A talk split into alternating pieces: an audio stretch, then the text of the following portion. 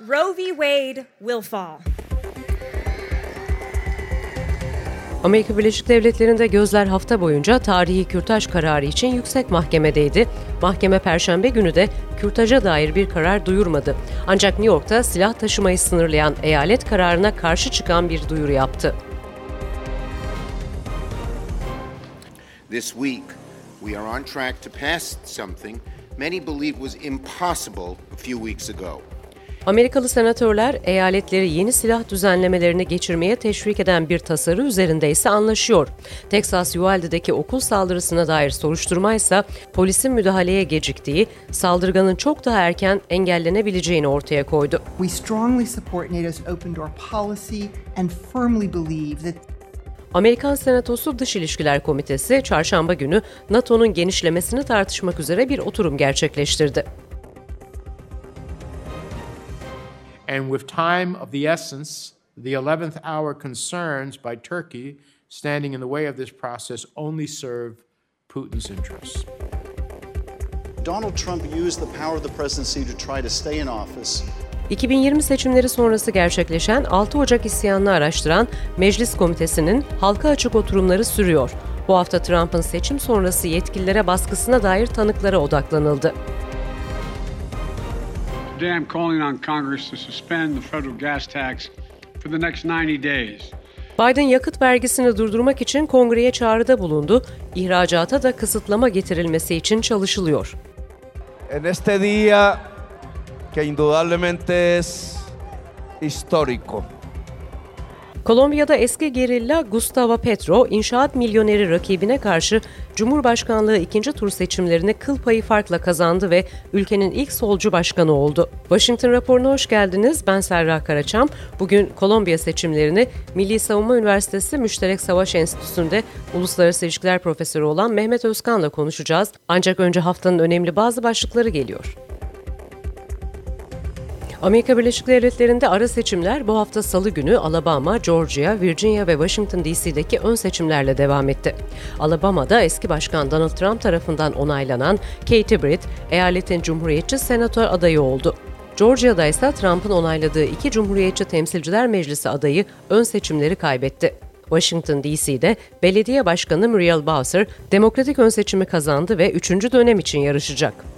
Perşembe günü Amerikan Senatosu iki partili silah güvenliği yasasını ilerletmek için 65'e 34 yönünde oy kullandı. Yapılan bu oylama 30 saate kadar yasanın tartışılması için saat belirliyor. Demokratlar Cumhuriyetçileri süreci hızlandırmayı kabul etmeye çağırdı. Yasa metin geçişi içinse farklı bir oylamayla daha karşı karşıya kalacak. Bu arada Teksas okul saldırısının yaşandığı Uvalde'de Kamu Güvenliği Departmanı Müdürü polis memurlarının aslında ihtiyaç olmayan bir sınıf kapısı anahtarını arayarak zaman kaybettiklerini açıkladı. Silahlı saldırganın Rob İlkokulu'nda 19 çocuğu ve 2 öğretmeni öldürmesi ardından yapılan soruşturma sonucu çıkan rapora göre olay yerindeki memurlar geldikten sonra gecikmeden silahlı adamla yüzleşebilirdi ve bunu yapmaları gerekirdi. 24 Mayıs'ta silahlı saldırganın çocukları vurmaya başlamasından sadece birkaç dakika sonra olay yerine gelen memurlar sınıflara girmeye yetecek kadar silah gücü ve koruyucu ekipmana sahipti.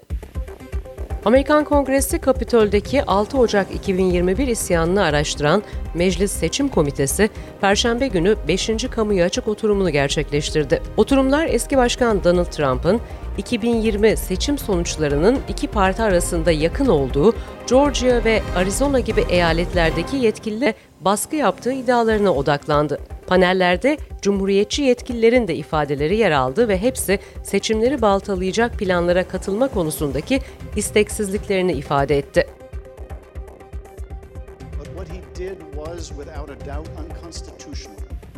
It was unpatriotic and it was fundamentally un-American. ABD Adalet Bakanı Merrick Garland, Rusya'nın Ukrayna'daki savaşı hızlanırken savaş suçları işleyen herkesi tespit etmek ve kovuşturmak için yeni bir ekip oluşturulacağını duyurdu. Garland'a göre ekibin başında bakanlığın yüzden fazla davada suçlanan Nazileri vatandaşlıktan çıkararak sınır dışı etmesini sağlayan tanınmış Nazi avcısı olarak bilinen Rosenbaum olacak. Bu arada salı günü Amerika, Rusya ile savaşırken yakalanan ikinci bir Amerikalının da öldürüldüğünü doğruladı. Bloomberg, Beyaz Saray'ın Amerika'nın benzin ve dizel yakıt ihracatını sınırlamayı düşündüğünü bildirdi. Olası adım tüm petrol ürünleri ihracatında tam bir yasağın bir adım öncesi olarak görülüyor. Beyaz Saray Ulusal Ekonomik Konseyi ihracatı kısıtlamak için yasal gerekçeleri araştırıyor. Başkanın bu benzeri görülmemiş hareket için açık bir yetkisi olmadığı belirtilmekte. Biden ayrıca yükselen fiyatlarla mücadele için kongreyi yakıt vergilerini 3 aylığına dondurmak için harekete geçmeye çağırdı. Amerikan Yüksek Mahkemesi muhafazakar yargıçları Maine eyaletinde özel dini okulları hariç tutan bir eğitim yardım programına itiraz eden iki Hristiyan ailenin yanında yer aldı ve dini kurumlara kamu finansmanını onaylayan bir karara imza attı. Kararın kilise ve devlet ayrımını daha da azalttığı yorumu yapılmakta. Amerikan Anayasası'nın haklar bildirgesi ilk maddesi Amerika Birleşik Devletleri'ndeki herkesin kendi dinini yaşamaya ya da hiçbir dini uygulamama hakkına sahip olduğunu söylüyor. Aynı madde devletin hiçbir dini öne çıkarmamasını, desteklememesini de beraberinde getirmekte.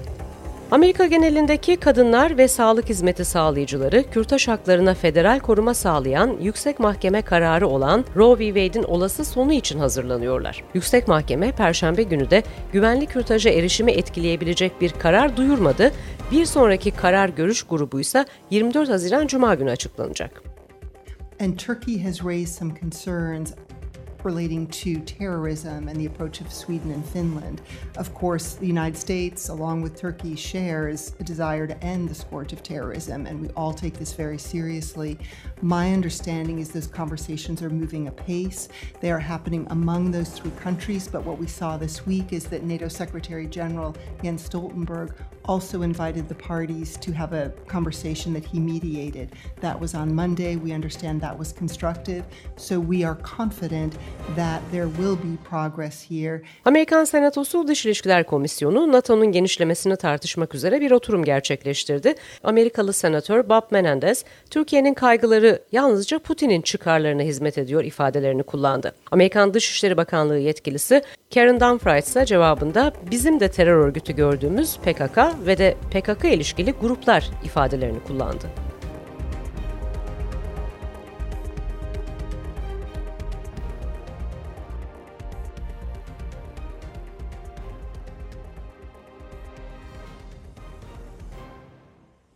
Şöyle, öncelikle bu bir sürpriz değil.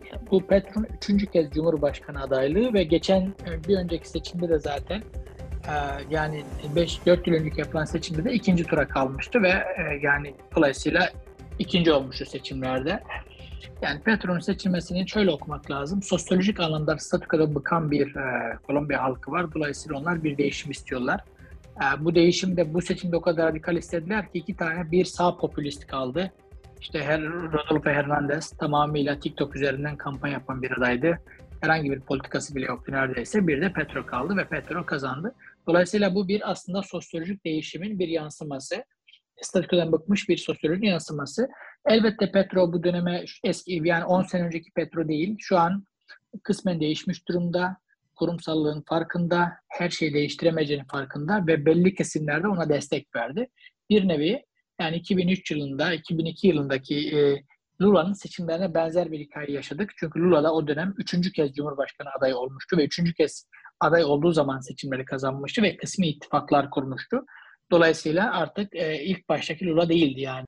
Ekonomik olarak öngördüğü politikaların Kolombiya için geçerli olabileceğini ve değişim getirebileceğini düşünüyor musunuz? Bir taraftan ülkenin ekonomisinde uyuşturucu ticaretinin, kara paranın e, ağırlıklı rolü biliniyor.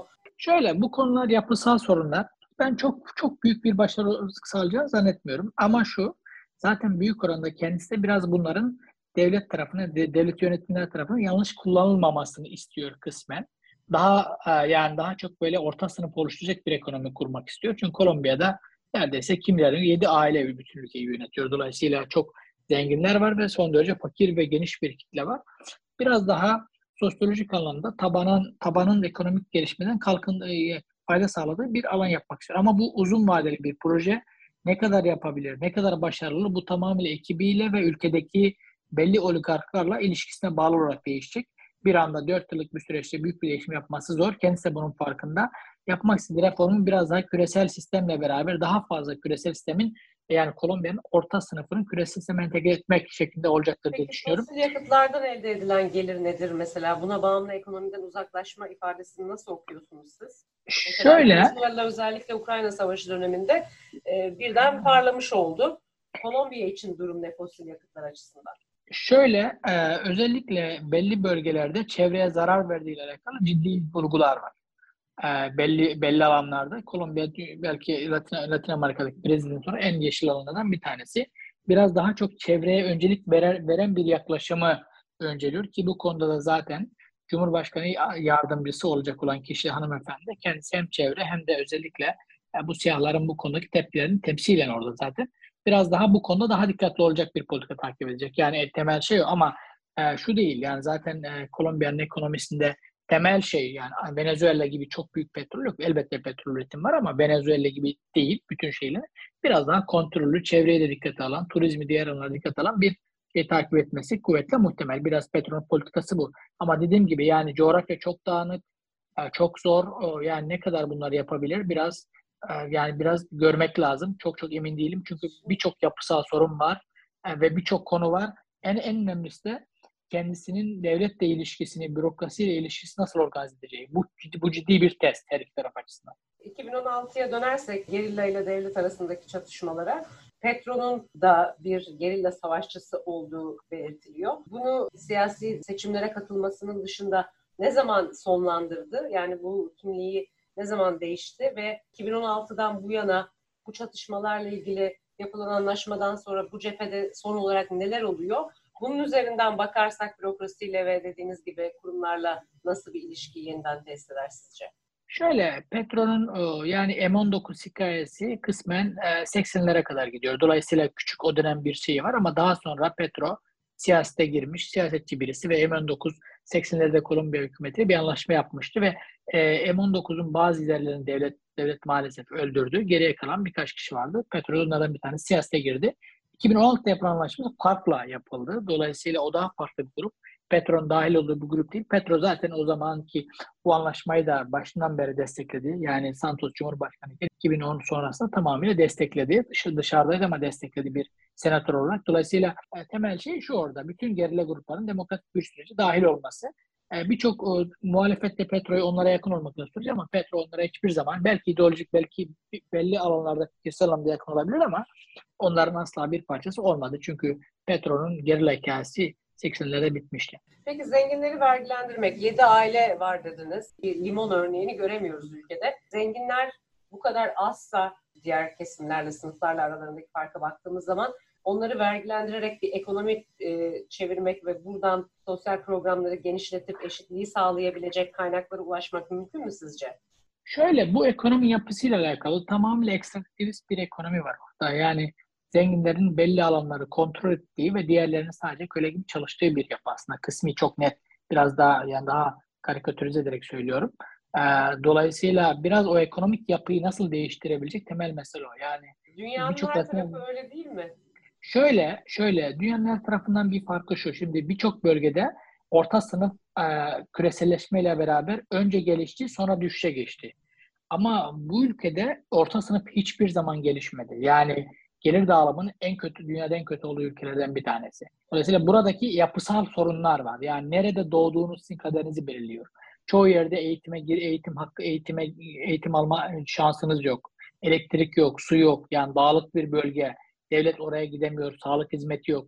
Dolayısıyla yapısal yapısal belli şeyler gerekiyor. Yani devletle halk arasında yeni bir yeni bir sosyal sözleşme gerekiyor işin açık Kolombiya'da. Zaten temel mesele de oydu. Yani ee, ama bunu şu ana kadar oradaki sağ siyaset sağlayamadı. Zaten sağ siyaset büyük oranda halktan kopuk bir siyaset. Sağ merkez. Şöyle, doğru şöyle Kolom doğru yani Latin Amerika'da 99'la beraber ciddi bir e, ciddi bir sol e, dalga geldi hatırlarsanız bir Hugo Chavez'le beraber.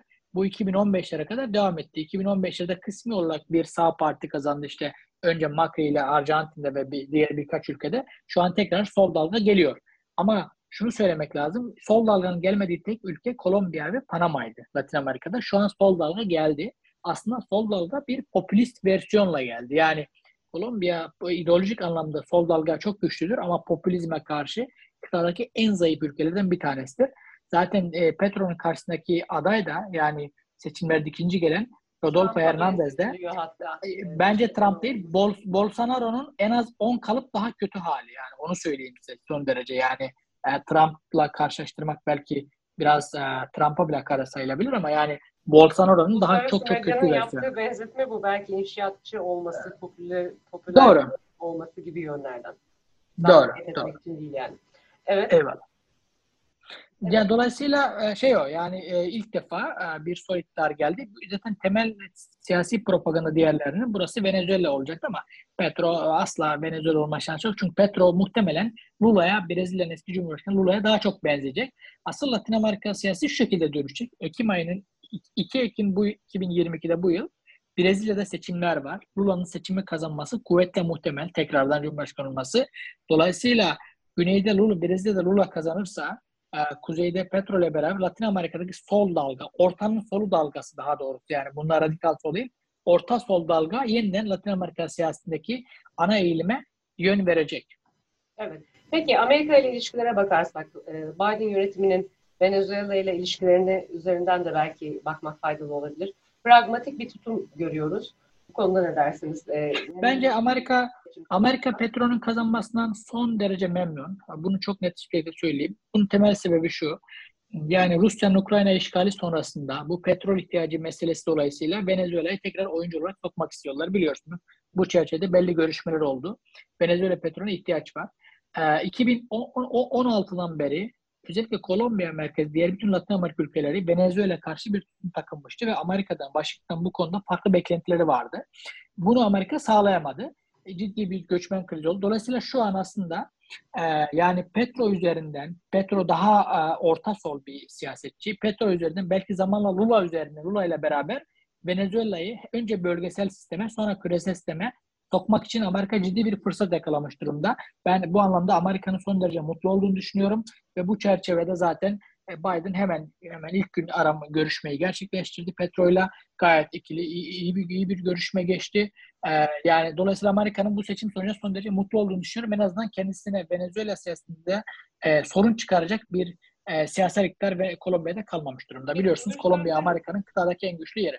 Uyuşturucu ticaretine dair ne söylersin? Şöyle bu bu ticaret e, şöyle kıtadaki uyuşturucu ticareti e, ticaret, siyaset ve e, birçok farklı yani farklı grupların e, işçe geçtiği bir yapı. Bunun bitirilmesi imkansız. Bu sadece kontrol edilebilir, belli çerçevede denetlenebilir. Bu da tamamen siyasetin e, ne kadar e, bu işte nemalandığıyla alakalı. Maalesef Latin Amerika'daki uyuşturucu ticaretini siyasetin finansmanından ayrı okumak mümkün değil. E, bu konuda e, zaten Amerika Amerika Birleşik Devletleri'nin genel yaklaşımı zaten bunun durdurulması ya da bitmesi değil. Bunun daha kontrol kontrollü bir şekilde yürütülmesi ve kontrol edilmesi. Hatta Latin Amerika'daki bazı ülkeler bu çerçevede şunu tartışıyordu. Biz bunu niye yasallaştırmıyoruz ve bundan niye vergi almıyoruz? Aynen yani madem böyle bir durum var biz bundan niye vergi almıyoruz ve daha kolay denetlemiyoruz diye bir tartışma var. Giden başkan başkanıyla alakalı bir dönemde sınırlandırıldı. Doğru mu? Ee, Şöyle hukuken hukuken orada şu an yani önceden iki dönemdi ama Cumhurbaşkanlığı bir dönemde sınırlandırıldı. Yani hukuken, hukuki bir durum. Dolayısıyla bir dönem görev yapabiliyor. Petro bir dönem yapacak o zaman. Petro, bir Petro, Petro'da bir dönem yapacak aynen. Anladım. Peki çok teşekkür ediyoruz vakit ayırdığınız için. Ee, ben, ben, te, şey? ben teşekkür ederim. Sadece şunu söyleyeyim. Şimdi e, bundan sonra küresel alanda Kolombiya siyaseti öne çıkacak. Muhtemelen eski Cumhurbaşkanı Nobel kazanan Juan Manuel Santos Birleşmiş Milletler Genel Sekreterine aday olmak istiyor. Dolayısıyla bu çerçevede kısmen Petro'ya destek verecektir. Çünkü Kolombiya arkasında görmek istiyor. E, şu anki Cumhurbaşkanı Ivan Duque ise kendisinin temel amacı şu an e, uluslararası göç örgütünün başına geçmek. Bu çerçevede en son yaptığı Türkiye Orta e, Avrupa turunda da kısmen bunu e, bunu bunun için biraz CV bıraktı diyebiliriz. Dolayısıyla e, yani Latin Amerika'da yeni bir dalga oluşuyor ve Latin, Amerika, Latin Amerika ülkelerinin belli liderleri küresel siyasette daha fazla etkin rol oynamak istiyor. Bu alanda Kolombiya ve yakın zamanda da Ekim ayı itibariyle Brezilya'nın yakından takip edilmesi isabetli olacaktır. Ee, peki Türkiye ile ilişkiler e, son ifadelerinizden aslında bunu atladığımı fark ediyorum. Cumhurbaşkanı Erdoğan da e, Latin Amerika ile ilgili özellikle bu Amerikalar zirvesi nin olduğu hafta e, burada bir takım tepkiler de oldu Biden yönetimine. Kimler çağrıldı, kimler çağrılmadı üzerinden. Bu açıdan Petro'yu yorumlarsanız ne söylersiniz? Şöyle ben yani Petro ile şahsen de bu Türkiye konusunda muhabbet etme şansım olmuştu. Petro maalesef Türk siyasetini bazen özellikle sol jargon üzerinden ve PKK ile alakalı farklı bakış açıları var. O anlamda bir temas edilmesi gerekiyor. Bu konuda belki Venezuela, özellikle Maduro ilişkileri, Maduro bu konuda Türkiye'nin doğru algılanmasına katkı sağlayabilir. Yani Petro'ya ve Türkiye destek verebilir. Ama yani ben Petro ile eğer iyi bir dil kullanırsa çok birçok konuda anlaşılacağını düşünüyorum. Zaten Kolombiya ile çok ciddi bir ilişkiyle, için... ilişkiyle ilişki var. Ee, Türkiye için avantaj diyebilirim. Çünkü Türkiye Lula ile çok iyi çalışmıştı daha önce. Türkiye için Kolombiya ee, mı önemli, Türkiye mi Kolombiya için önemli? Ee, şöyle e, iki taraf için şöyle Türkiye e, Latin Amerika'nın güney kuzey bölgesinde e, Kolombiya'yı doğrudan uçuş olduğu için yani Panama ile beraber Venezuela'da var ama Venezuela ekonomik düştüğü için ciddi bir bölgeye açılış olarak görüyor. Birçok iş firmada bu çerçevede bakıyor. Onlar da Türkiye'yi Orta Asya'ya ve yakın Orta Doğu'ya açılış olarak görüyorlar. Yani iki tarafında birbirine ihtiyacı var diyebilirim. Yani bu anlamda birinin diğerine değil ihtiyacı var. Ama ciddi bir gelişen bir alan var ikili ilişkilerde. Ciddi ticaret anlamında ciddi bir gelişen alan var. Peki çok teşekkür ediyoruz. Milli Savunma Üniversitesi Müşterek Harp Enstitüsü'nde Uluslararası İlişkiler Profesörü Mehmet Özkan e, bölgeyi de iyi biliyor. Latin Amerika'da da e, görev yaptı. E, bizlerle birlikte. Teşekkürler. Ağzınıza sağlık. Ben teşekkür ederim. Çok sağ olun.